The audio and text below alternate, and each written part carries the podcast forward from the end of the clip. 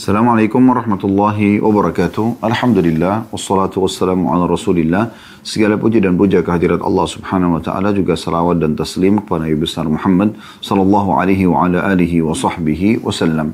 Dan kita masuk pada kesempatan ini bab ke-59 termasuk bab yang mulia yaitu anjuran makan dari hasil usaha sendiri, menjaga diri dari minta-minta dan memperlihatkan diri agar diberi. Maksudnya ini ya ada anjuran makan dari hasil sendiri dan larangan untuk minta-minta serta juga memperlihatkan diri ya mengemis supaya diberi.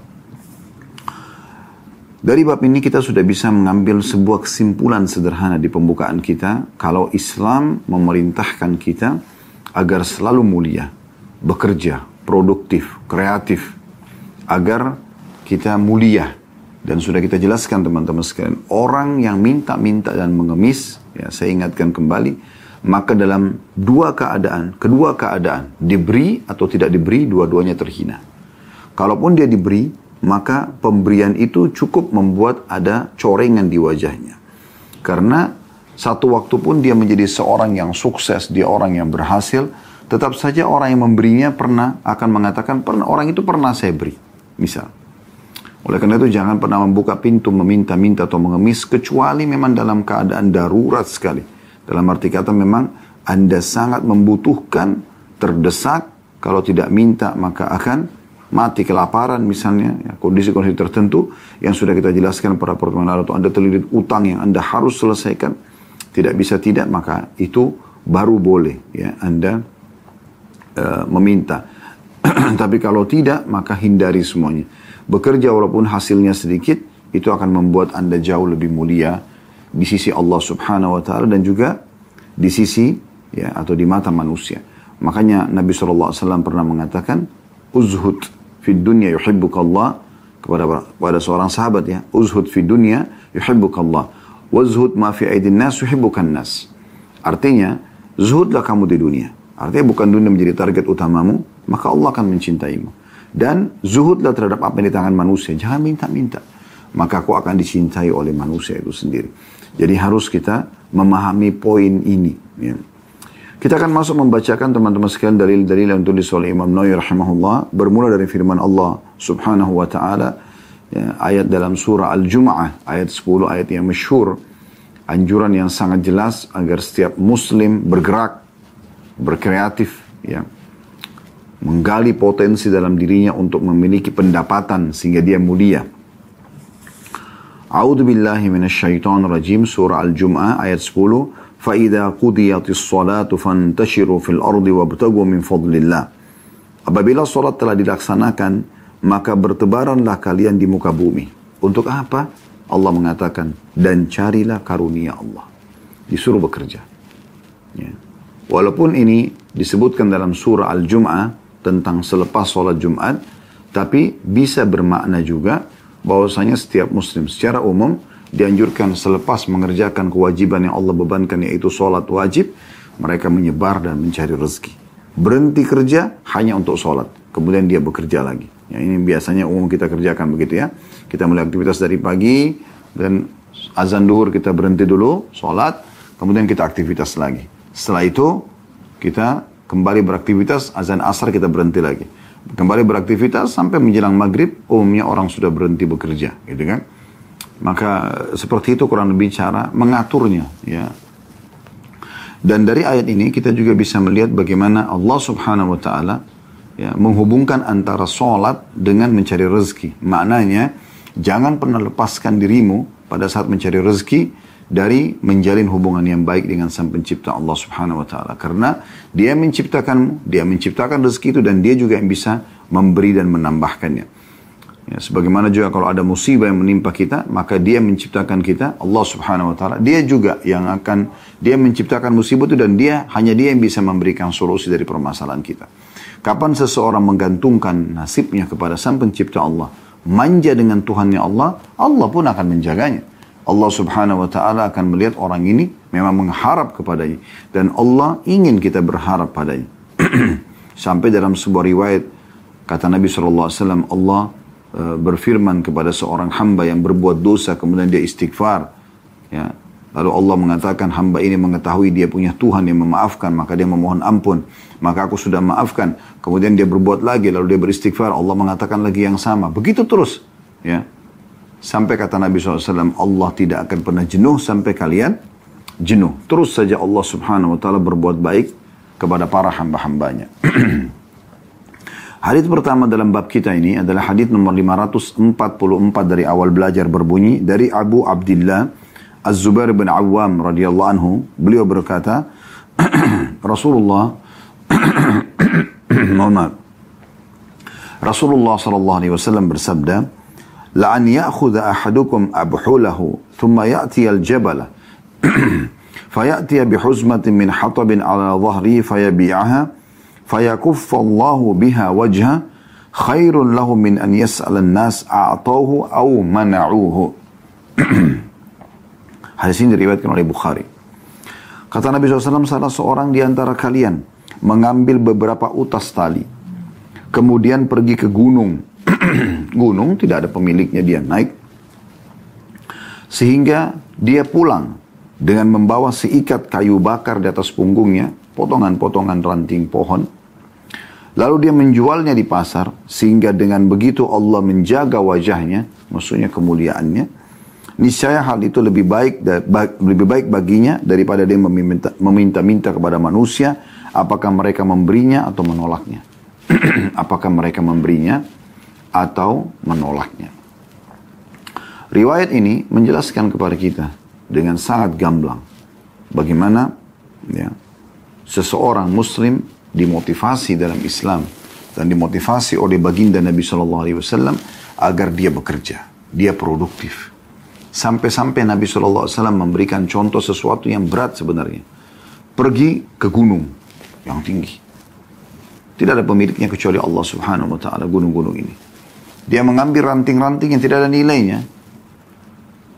Ya, ranting-ranting yang sudah kering biasanya dipakai untuk kayu bakar dikumpulin sama dia, kemudian dia pikul di pundaknya, lalu kemudian dia jual di pasar, lalu dia hidup mulia dari hasilnya, dia jaga kehormatan wajahnya, supaya dia mulia di mata orang, maka jauh lebih baik daripada dia mengemis.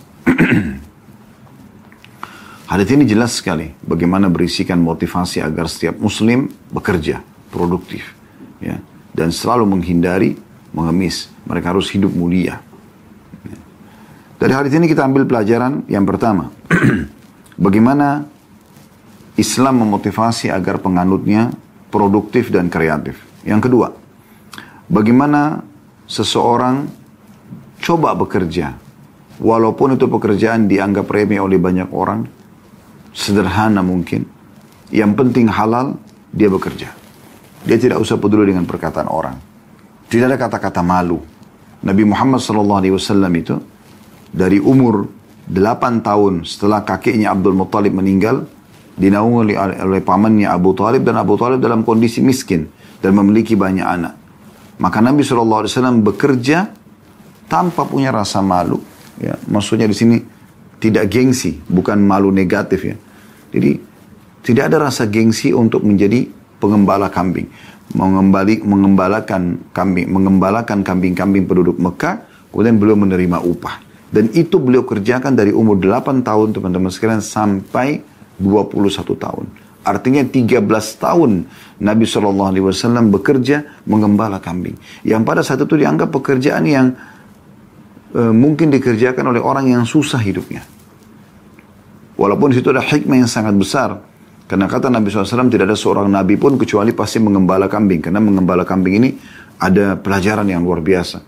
Dia pergi ke alam yang terbuka, membawa domba-dombanya. Kemudian dia bertafakur melihat penciptaan langit dan bumi. Dia belajar bersabar karena kambing itu kalau makan lama gitu kan. Makan rumput, bahkan sampai berjam-jam. Dan juga bagaimana kambing itu hewan yang tidak mudah emosional ya. Banyak hal yang dia bisa ambil pelajaran. Maka semua nabi-nabi kata Nabi Muhammad SAW eh, pasti mengembala kambing. Setelah itu 13 tahun jadi pengembala kambing dan hidup dari hasilnya. Tidak mengemis pada orang. Barulah beliau pindah ke tahap selanjutnya. Mulai dari umur 21 tahun sampai masa kenabian. 40 tahun, jadi 19 tahun beliau berdagang. Beliau berdagang sallallahu alaihi wasallam dan beliau coba menekuni bidangnya sehingga akhirnya beliau menjadi seorang pedagang yang sangat sukses di Mekah. Bahkan pada saat itu dalam buku-buku sejarah dikatakan belum pernah ada orang punya ide dari pedagang-pedagang Mekah seperti ide baginda Nabi SAW. Umumnya pedagang-pedagang Mekah itu pergi ke negeri Syam karena memang mereka pergi ke negeri Syam untuk belanja uh, kebutuhan dagangan mereka lalu dijual di Mekah. negeri Syam itu di zaman sekarang empat negara ya. Syria, Lebanon, Jordania dan Palestina. Tempat ini namanya negeri Syam.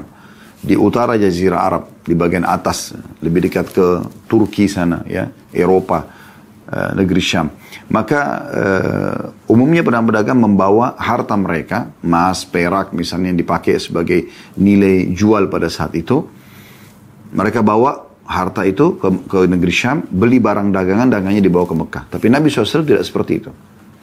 Modal-modal usaha yang ada pada beliau SAW, yang orang juga titipkan kepada beliau, ya, itu diberikan barang-barang yang ada di Mekah.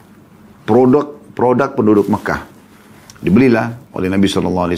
Kemudian beliau tidak bawa uang ke negeri Syam, tapi bawa produk tersebut. Lalu kemudian beliau jual ke negeri di negeri Syam, beliau jual dengan keuntungan, lalu dari keuntungan dan modal itu dibelilah barang dagangan negeri Syam lalu dibawa ke Mekah. Jadi dengan ini beliau mendapatkan double keuntungan. Dan karena ini banyak sekali orang yang percayakan kepada Nabi SAW. Terlebih lagi beliau sangat jujur. Termasuk yang akan menjadi pada saat itu menjadi istri beliau Khadijah radhiyallahu anha sebelum menikah dengan Nabi SAW sempat menitipkan barang dagangannya dan modalnya kepada baginda Nabi SAW. Maka beliau pindah ke tahap ini. Dan dalam berdagang tidak perlu kita merasa malu. Walaupun kita memulai dengan hal-hal yang sederhana. Kenapa harus malu? Kalau memang kemampuan kita hanya bisa jual jus misalnya, jual gorengan, ya, jual nasi goreng, jual bakso, jual nasi uduk, tidak masalah. Mulia. Ya. Yang penting kita mulai bekerja, teman-teman sekalian. Kita ini Alhamdulillah di Indonesia punya jiwa pekerja. Kita mau bekerja, bukan malas. Ya. Kita banyak, mayoritas penduduk kita petani, pengebun, ya, orang pengebun, nelayan, gitu kan. Pekerja-pekerja keras dan kita punya banyak kesempatan untuk bekerja. Ya, punya banyak kesempatan untuk bekerja. Bahkan menjadi buru-buru di bangunan pun bisa gitu. Menawarkan diri untuk bekerja. Jadi bermula dari pekerjaan-pekerjaan yang yang sederhana, yang mudah, tidak perlu diikuti dengan rasa gengsi tanda kutip di sini, ya. Bekerja yang penting produktif dan punya hasil. Sehingga akhirnya hidup. Dan teman-teman sekalian, yang Anda butuhkan adalah makan pada hari ini kan. Kalau besok Anda masih hidup, Anda bekerja lagi. Kan begitu rasionalnya. Tapi kalau Anda meninggal besok, Anda sudah tidak punya kewajiban. Mayat tidak butuh makan lagi dan minum. Oleh karena itu, syukuri dan nikmati. Anda boleh produksi, produktif. Anda terus memikirkan bagaimana mengembangkan sambil berdoa kepada Allah Subhanahu wa taala Allah supaya Allah Subhanahu wa taala bukakan pintu-pintu rezeki. Itu bisa Anda lakukan. Dan insya Allah dengan upaya ini Allah taala akan bukakan banyak pintu-pintu kepada Anda atau untuk Anda. ini pelajaran yang kedua. Pelajaran yang ketiga, larangan dalam hadis untuk mengemis. Larangan dalam hadis untuk mengemis karena jelas sekali ya. Kata Nabi SAW, dalam potongan hadisnya khairun lahu min an yas'alan nas a'tauhu aw mana'uhu. Bekerja itu tadi mengumpulkan ranting-ranting kayu bakar atau ranting-ranting yang bisa jadi kayu bakar atau jadi alat bakar ya, dijual di pasar itu jauh lebih mulia yang dia jual daripada dia mengemis.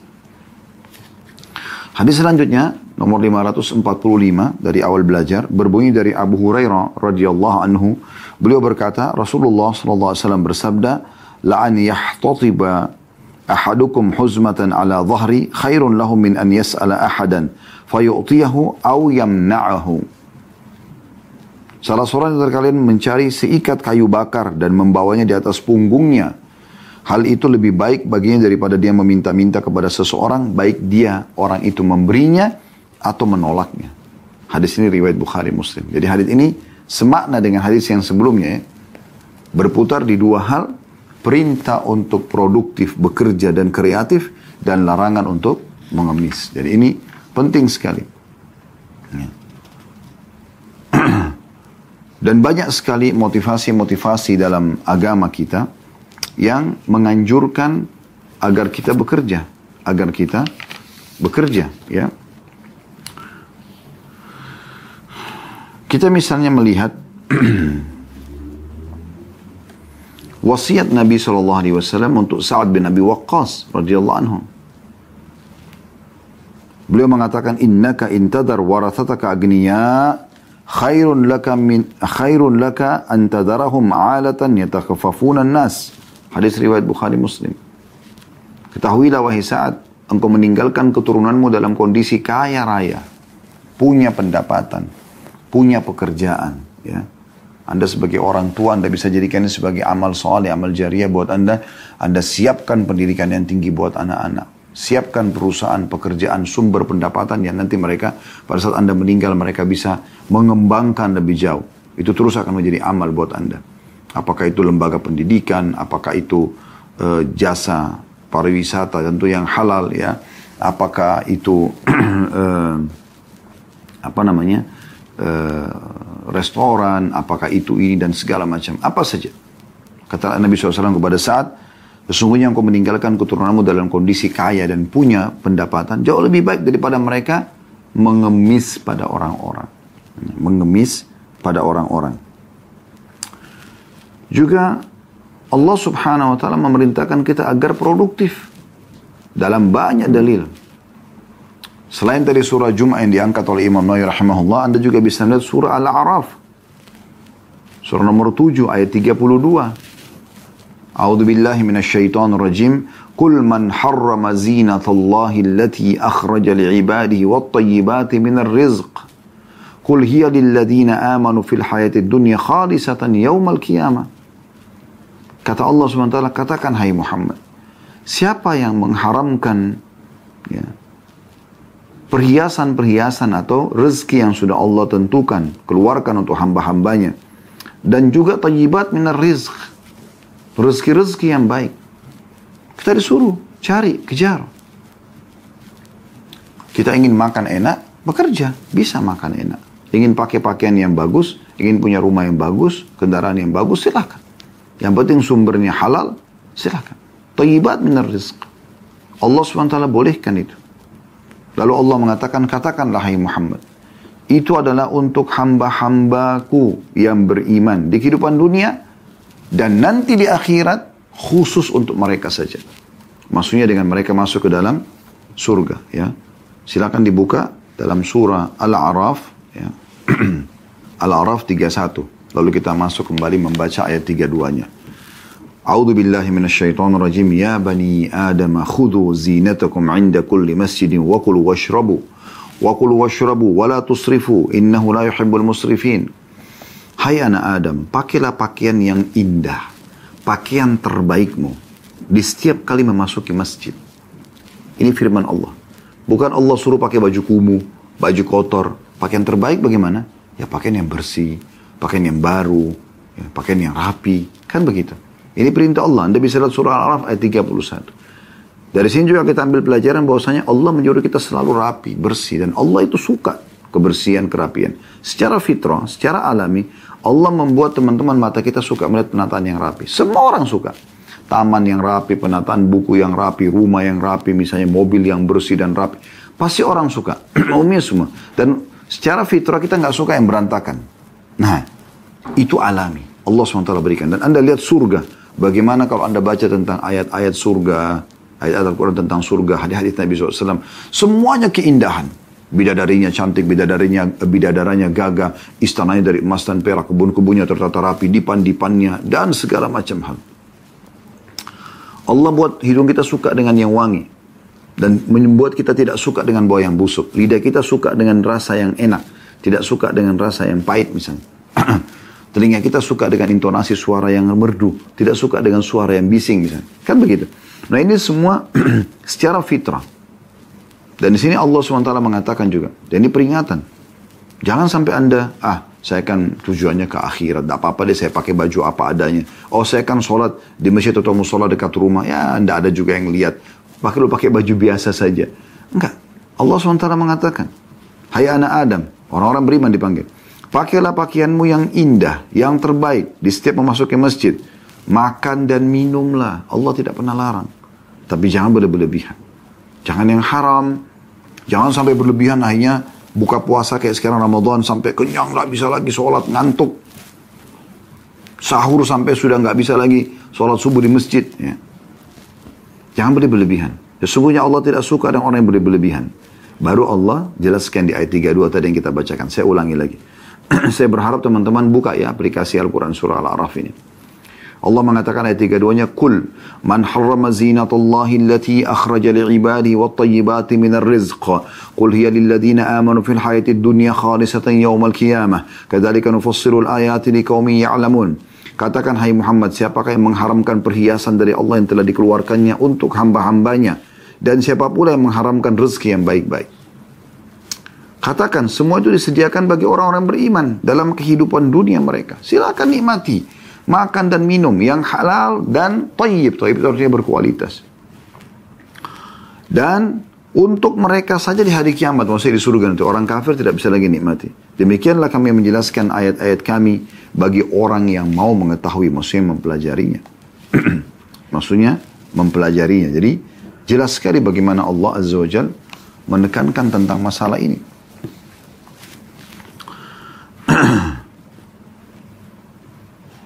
Dan kita juga perlu melihat ya, beberapa riwayat yang ditulis oleh Imam Nawawi rahimahullah di sini. Seperti misalnya di hadis nomor 546. Lanjutan bahasan kita ya. Nanti tetap kita akan tambahkan dengan syarah-syarah. Berbunyi dari Abu Hurairah radhiyallahu anhu dari Nabi SAW beliau bersabda kana Daud alaihissalam la ya'kulu illa min amali yadihi Nabi Daud AS tidak pernah makan kecuali dari hasil usaha tangannya sendiri. Bekerja, produktif, baru dia makan. Gak mau mengemis. Tidak mau mengemis. Ini penting sekali. Di dalam riwayat yang lain, ya tidak disebutkan di sini tentunya. Kalau tadi yang kita sebutkan 546 ini hadis riwayat Bukhari Muslim. Dalam riwayat yang lain, kata Nabi SAW, Ma aqala ahadun ta'aman khairun min an ya'kula min amali yadi. Tidak ada.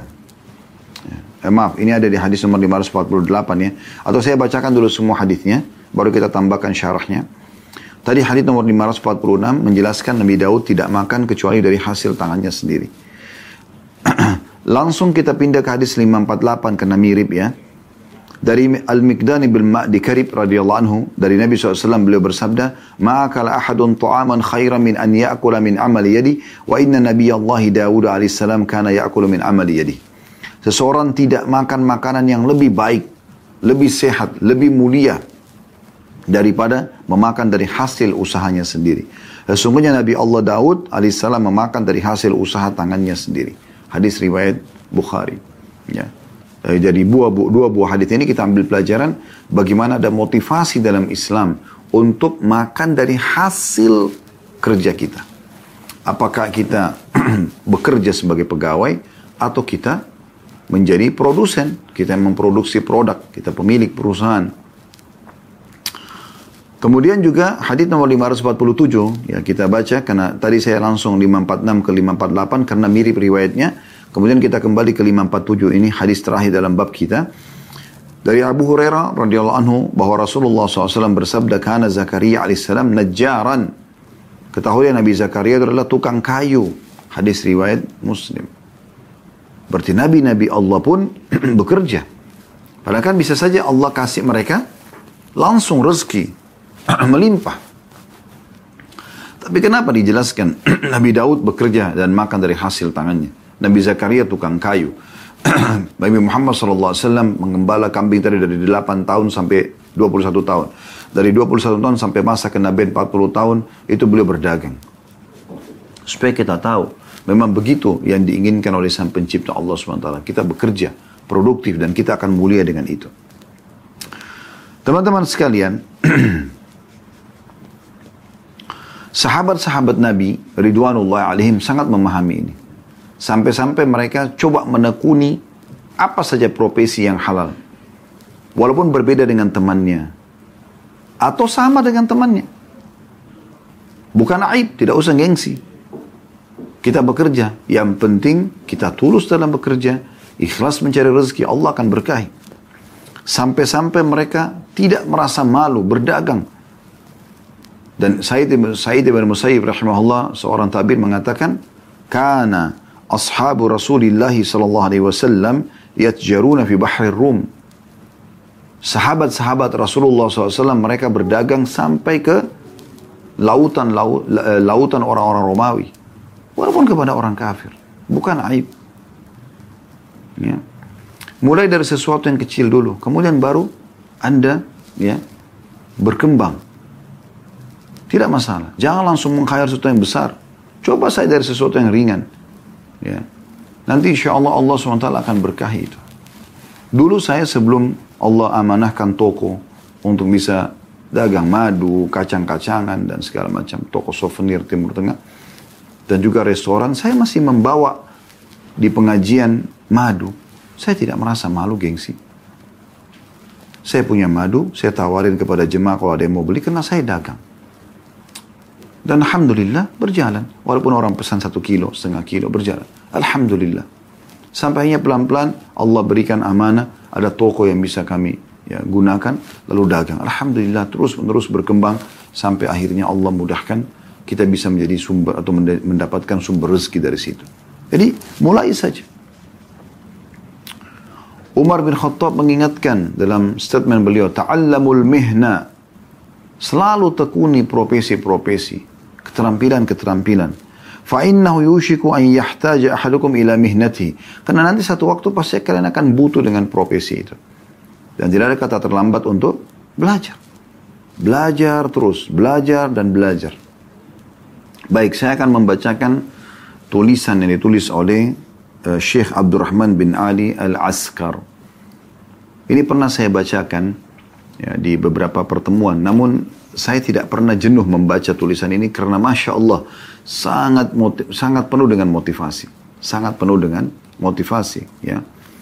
Di antara yang beliau sebutkan adalah bagaimana beliau mengatakan wa ausa wa ausa Kais bin Asim abnahu inda wafati faqal bahwasanya Qais bin Asim mewasiatkan anaknya pada saat dia akan wafat. Faqal sambil berkata, "Alaikum bil mali wastina'ah." Kalian harus cari harta itu dan rawat baik-baik ya. Bagaimana supaya bisa terus mendapatkan income yang baik? Fa mambahatul karim karena dia sumber yang baik wa yustagna bihi 'anil la'im dan akan menyelamatkan dari keterhinaan wa iyyakum wal mas'alah dan jangan pernah mengemis Fa inna akhiru kasbar rajul. Karena itu pendapatan terakhir seseorang. Tidak bisa dijadikan sebagai sumber utama. Ya. Dan beliau mengingatkan banyak statement. Beliau mengatakan, Ya ma'asyar syabab, wahai sekalian anak-anak muda, terutama anak muda muslim. Dual wa ta'tazzu syu'ub hatta syababuha zawi hima min aliyah. Sesungguhnya negara-negara, bangsa-bangsa, suku-suku itu merasa gembira dengan adanya generasi muda mereka yang memiliki ya eh, apa namanya semangat yang tinggi.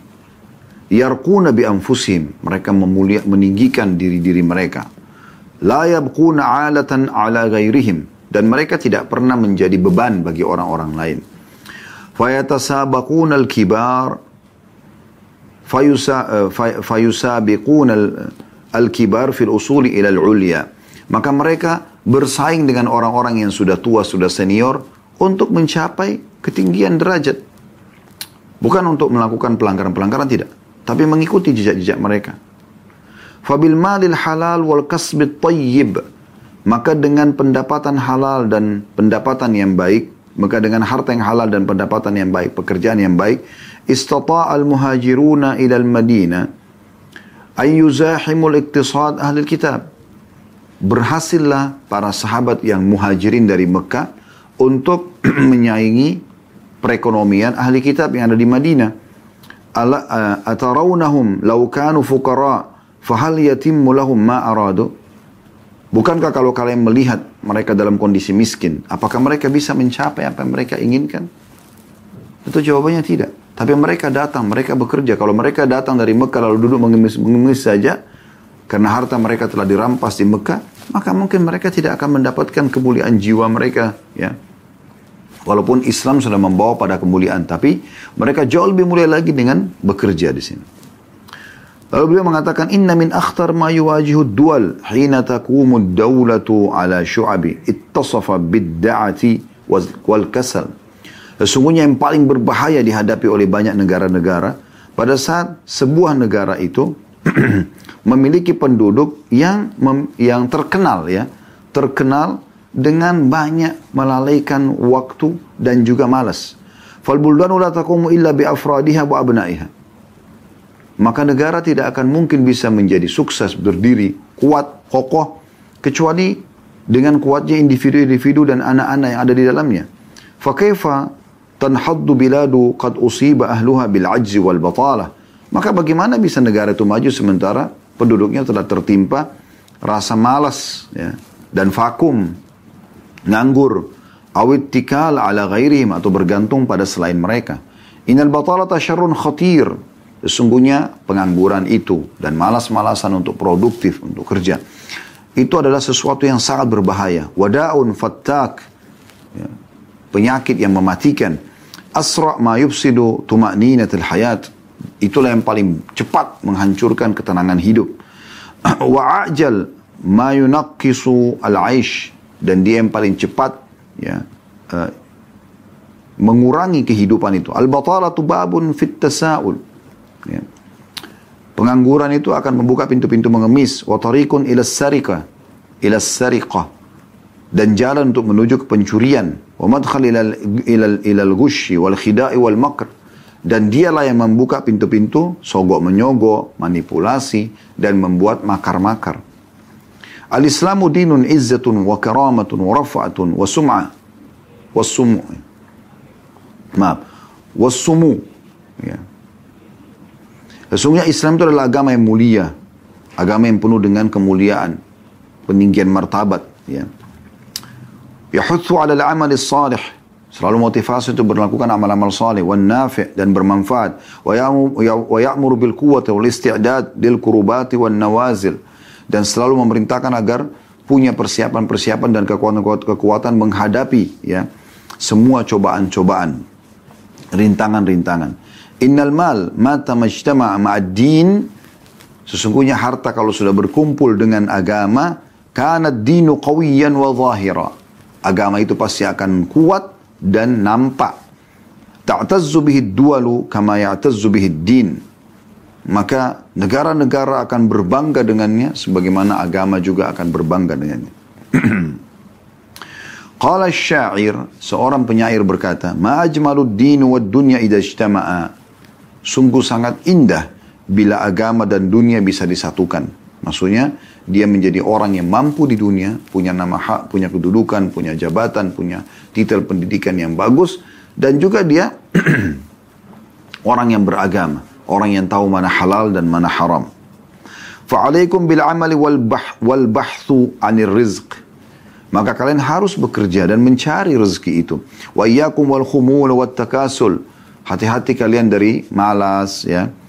Uh, walittikal ala ghairikum dan bergantung pada selain kalian fi khususiyat hayatikum pada hal-hal yang merupakan kekhususan dalam kehidupan kalian maksudnya yang kalian butuhkan kebutuhan dasar kalian Inna kibara rijal al-mal la yabulgu ma balaguhu fi yaumin wa layla. Sesungguhnya orang-orang yang telah bersukses menjadi miliarder, mereka tidak mendapatkan apa yang mereka inginkan dalam sehari semalam. Faqad kanu fi syababihim yabhathuna 'anil amal. Mereka pada saat masih muda mencari juga pekerjaan. Wal lakin kanat lahum himamun aliyah.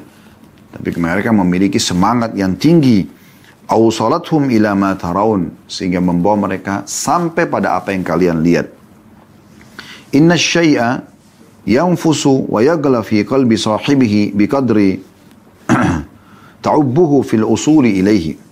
Sesungguhnya sesuatu itu akan menjadi mahal dan punya nilai di diri, di hati seseorang, tergantung dengan bagaimana upaya dia mencapainya. Jadi kalau dia dengan sangat mudah meraihnya, dia anggap remeh. Tapi kalau dengan susah payah, maka akan ada nilai. Walidhalika qalla an yufarrita fihi au yatahawan fi amri. Oleh karena itu kalau dia berusaha dengan susah payah, dia tidak akan mungkin ya menyia-nyiakannya setelah dia memilikinya gitu, ya. Amma ma yahsul alaihi syakhs duna ina'in wa muqabadatin falan ya'rifa qimata. Kalau seseorang mendapatkannya tanpa ada upaya, malas-malasan saja cuma datang, saja cuma pemberian orang, maka tidak akan ada, dia tidak akan tahu nilainya. Dia tidak akan tahu nilainya. Hal yang sangat menarik yang merupakan bahasan beliau ya. Lalu beliau mengangkat ya beberapa statement yang lain beliau mengatakan Warawa at-Tabarani bisanadin sahih dan Tabarani meriwayatkan dengan sanad yang sahih anna rajulan marra 'ala nabi sallallahu alaihi as-sahabatu min jaldihi wa nashatihi fil amal. Ada seseorang yang sangat giat bekerja lewat di hadapan mereka. Faqalu maka para sahabat berkata pada saat melihat orang ini sangat rajin angkat barang bekerja segala macam gitu. Faqalu ya Rasulullah lau kana hadha fi sabilillah mereka mengatakan, ya Rasulullah, andai saja pekerjaannya orang ini dan upaya dia seperti ini. Dihitung di jalan Allah, dapat pahala. Faqala Rasulullah sallallahu alaihi wasallam maka Rasulullah SAW bersabda in kana kharaja yas'a ala waladihi sigharan fahuwa fi sabilillah kalau orang ini keluar untuk mencari sumber makanan buat anak-anaknya yang kecil maka dia dihitung di jalan Allah wa in kana kharaja yas'a ala abawaini shaykhaini kabiraini fahuwa fi sabilillah kalau dia keluar untuk membiayai kedua orang tuanya yang sudah sangat tua, maka dia juga di jalan Allah. Wa in kana kharaja yas'a ala nafsihi ya'iffuha fahuwa fi sabilillah. Kalau dia keluar juga untuk memenuhi kebutuhan dia pribadi saja, maka juga dia dihitung di jalan Allah. Wa in kana kharaja riya'an wa mufakharatan fahuwa fi sabilis syaitan. Tapi kalau dia keluar ya untuk ria, untuk berbangga-bangga, sombong-sombong, maka dia di jalan syaitan. Beliau mengatakan, Yashku asyabab. Banyak anak muda yang mengeluh. Bistimrari min adami wujudi masdarul rizq. Banyak di antara anak muda mengeluh karena mereka belum punya sumber pekerjaan. Ya. Yunfikuna bihi ala anfusim. Mereka bisa biaya diri mereka sendiri. ويحصرون الرزق كله والحصول على المال في وظيفة يجدها في إحدى جهات الدول أو مؤسساتها dan mereka selalu mengurung rezeki itu hanya berada kalau mereka mendapatkan sebuah profesi pekerjaan di salah satu instansi pemerintah atau yayasan-yayasan. Wahada fahmun ghairu sahih. Dan ini pendapatan yang keliru. Farrizku yajidul mar'u fi kulli amalin halal. Karena sesungguhnya rezeki itu dapat diraih oleh seseorang dari ya banyak pekerjaan atau banyak eh, sumber-sumber uh, yang lain. Farizku yajiduhul mar sesungguhnya rezeki bisa didapatkan oleh seseorang fi kulli amalin halal di setiap pekerjaan halal.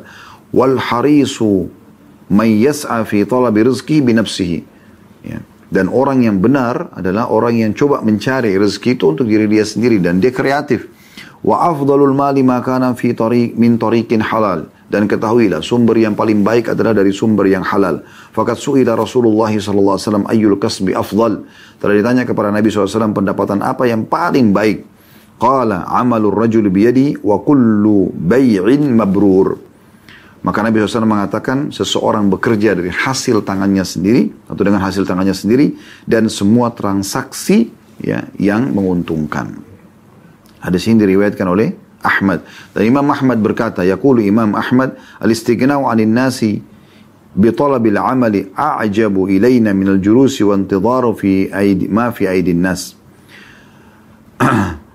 Seseorang itu coba mencari, ya.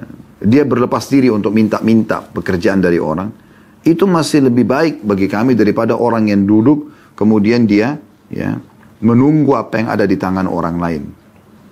Bal innal insana yataqarrabu ila Allah Ta'ala bisa'ihi fit tijarati wa talabir rizq. Bahkan setiap orang muslim itu harusnya mendekatkan diri kepada Allah Subhanahu wa taala dengan usaha mencari rezeki baik dengan bisnis atau mencari rezeki secara umumnya. Jadi pegawai misalnya. Rawat Tirmidzi wa Ibnu Majah bi sanadin hasan telah diriwayatkan oleh Tirmidzi dan juga Ibnu Majah dengan sanad yang baik. Anin Nabi sallallahu alaihi wasallam bahwasanya Nabi sallallahu alaihi wasallam bersabda, أنه قال التاجر الصدوق الأمين مع النبيين والصديقين والشهداء ini hadis yang luar biasa ya motivasi untuk menjadi seseorang yang punya sumber income apalagi menjadi pedagang sesungguhnya pedagang yang jujur amanah terpercaya maka akan bersama dengan para nabi-nabi para siddiqin, orang-orang yang jujur, dan juga para syuhada di surga nanti. Setelah Anda dengarkan semua ini teman-teman, apa yang membuat kita menjadi ragu ya untuk selalu termotivasi bekerja dan produktif. Dan masih banyak sekali motivasi-motivasi para ulama berhubungan dengan masalah ini. Bagaimana Nabi SAW mengatakan kepada para umatnya di dalam hadis riwayat Imam Ahmad ya ta'awwadu billahi minal faqri wal qillati wal dhillah berlindunglah selalu kepada Allah dari kefakiran dari kekurangan dan juga dari kehinaan jadi disuruh selalu produktif bekerja mulia berfikir ya coba kembangkan kenapa orang lain bisa saya nggak bisa selalu seperti itu ya. dan sebagai penutup di sini saya mengatakan atau saya bacakan apa yang beliau katakan tentu saya baca secara ya Eh, lompat-lompat ya bacaan dari tulisan beliau ini yang kira-kira yang paling pas yang perlu kita bahas yaitu perkataan beliau juga mengatakan Inna la birrajul al-aqil an yarda li nafsi an yakuna himlan 'ala al-mujtama. Sesungguhnya setiap laki-laki yang berakal tidak akan pernah mau dan ridho terhadap dirinya untuk menjadi beban di tengah-tengah masyarakat. Thakilan la fa'idata min. Beban bagi orang-orang dan tidak ada faedah. Cuma duduk nongkrong minta ganggu orang ya. Farigan anisyugul kosong dari aktivitas. Yaqulu Umar radhiyallahu anhu maka Umar berkata inni la ara rajula fayujibuni syaklu. Sesungguhnya aku lihat seseorang dan aku kagum melihat penampilannya fa idza saltu anhu faqil kalau saya tanya tentang pekerjaannya dan dikatakan kepadaku la amala lahu saqata min aini kalau ditanya saya tanya tentang dia, kemudian dikatakan tidak ada pekerjaannya, maka dia jatuh di mataku. Umar bin Khattab tidak mau menilai orang seperti ini. Coba benda bayangkan. Bagaimana dalam riwayat An-Nasai juga Abu Dawud kata beliau, warawan Nasai wa Abu Dawud annahu sallallahu alaihi wasallam qal bahwasanya Nabi SAW bersabda Allahumma inni a'udzu bika minal ju'i fa innahu bi'sad daji' Ya Allah aku berlindung kepadamu dari lapar karena itu seburuk-buruk keadaan. Dia miskin. Kalau orang punya kemampuan kan dia kapan lapar dia bisa makan. Di sini maksudnya kelaparan yang membuat orang hanya minta gitu. Nabi SAW berlindung dengan itu. Kalau lapar secara umum orang bisa rasakan, ya kan? Dan itu normal. Nabi SAW biasa merasakan lapar dalam beberapa riwayat lain. Lalu beliau makan. Tapi ini maksudnya adalah beliau berlindung dari lapar yang membuat orang hanya mengemis. Kenapa tidak bekerja? Waruwiya aidan annahu sallallahu alaihi wasallam Qal dan diriwayatkan juga dari Nabi SAW bahwa beliau bersabda ya Allahumma inni a'udhu bika min al-'azzi wal kasal ya Allah aku berlindung kepadamu dari sifat vakum dan malas ya wal jubni wal bukhl pengecut dan juga pelit wa ghalabati dini wa qahri rijal dan dikuasai oleh orang dan terlilit utang. Jadi beliau berlindung dengan itu. Bagaimana Luqman Al-Hakim, waruwi an Luqman Al-Hakim annahu qala li, abni, li, li ibnihi bahwasanya dia berkata kepada anaknya ya bunai wahai anakku istagni bil kasbil halal selalu cari pendapatan halal. Jangan berhenti produktif terus. Gagal di sini usaha yang lain. Terus pelajari supaya ada satu nanti yang nyantol yang bisa jadi sumber pendapatanmu فإنه ما افتقر أحد إلا أصابته إحدى ثلاث خصال karena tidak ada orang yang meninggalkan pencarian pendapatan halal kecuali dia akan ditimpa salah satu dari tiga permasalahan Rikkatun fi dini. Lemah agamanya. Subhanallah ini betul sekali. Orang yang susah hidupnya, lemah agamanya. Bisa dibeli agamanya. Bisa disuruh buka jilbab, bisa ditinggalkan sholat. Yang penting dia bisa makan. Bisa pindah agama. Yang kedua, awda'fun fi aklihi. Lemah akalnya. Karena tidak mau produktif, tidak mau mengasah akalnya. Otaknya untuk kreatif, mendatangkan sumber income buat diri dia dan mengembangkan apa yang dia miliki. Dan yang terakhir beliau mengatakan, wa awwahaun fi muru'ati. Atau terhina di uh, atau akan terhina dia. Ya. Muru'ah ini seperti kemuliaan nama baik lah ya. Tercoreng nama baiknya. Jadi tiga ini bisa menimpa kelemahan agama lemahnya akal atau ya tercoreng nama baiknya lalu beliau menutup mengatakan Luqman Hakim berkata wa min hadha istighfafun nasu dan yang lebih berat daripada itu, penghinaan orang kepada dia. Nah, ini berat sekali. Ya. Oleh karena itu harus hati-hati. Harus hati-hati. Kemudian kita tutup teman-teman sekalian dengan statement yang menarik dari beliau. Ya. Beliau mengatakan wa yaqulu Sa'id bin Musayyib Sa'id bin Musayyib berkata, "La khaira fi man la yatlubul mal." Tidak ada kebaikan bagi orang yang tidak mencari pendapatan. Yaqdi bihi dainah, dia bisa bayar utangnya, wa yasunu bihi 'irdah dan dia ya uh, apa namanya? menjaga nama baiknya, wa yakdi bihi zimama, memenuhi kebutuhannya, wa in mata, kalaupun dia mati taraka liman, liman ba'da, dia akan tinggalkan sebagai warisan kepada orang-orang yang datang setelahnya. Lalu beliau mengatakan, innal amala wa in kana yasiran fahuwa khairun minal batalah. Sesungguhnya bekerja walaupun sederhana lebih baik daripada nganggur, vakum. Wa khairu min intidharin nawal min ashabil mal dan lebih baik daripada menunggu pemberian dari orang-orang pemilik harta. Wa aswa minhu su'alu ashabil gina. Dan yang paling buruk adalah mengemis pada orang-orang kaya. Liannahum in a'tahu bakiyatil minnatu ala dhahri yahmiluha. Kalaupun dia dikasih, maka tetap akan jadi beban di pundaknya. dia terhina dengan itu. Wa in mana'uhu faqad ijtama' indahu su'atan. Kalau dia ditolak untuk diberi, maka berkumpul padanya dua keburukan sekaligus. Yang pertama zillatul khaybah dan yang kedua zillatul su'al. Hilangnya ya wibawahnya dan juga terhinanya karena mengemis. Kalau benar pasti dari Allah, kalau ada salah dari saya mohon dimaafkan. Subhanakallah bihamdika asyhadu an la ilaha illa anta astaghfiruka wa atubu ilaik. Wassalamualaikum warahmatullahi wabarakatuh.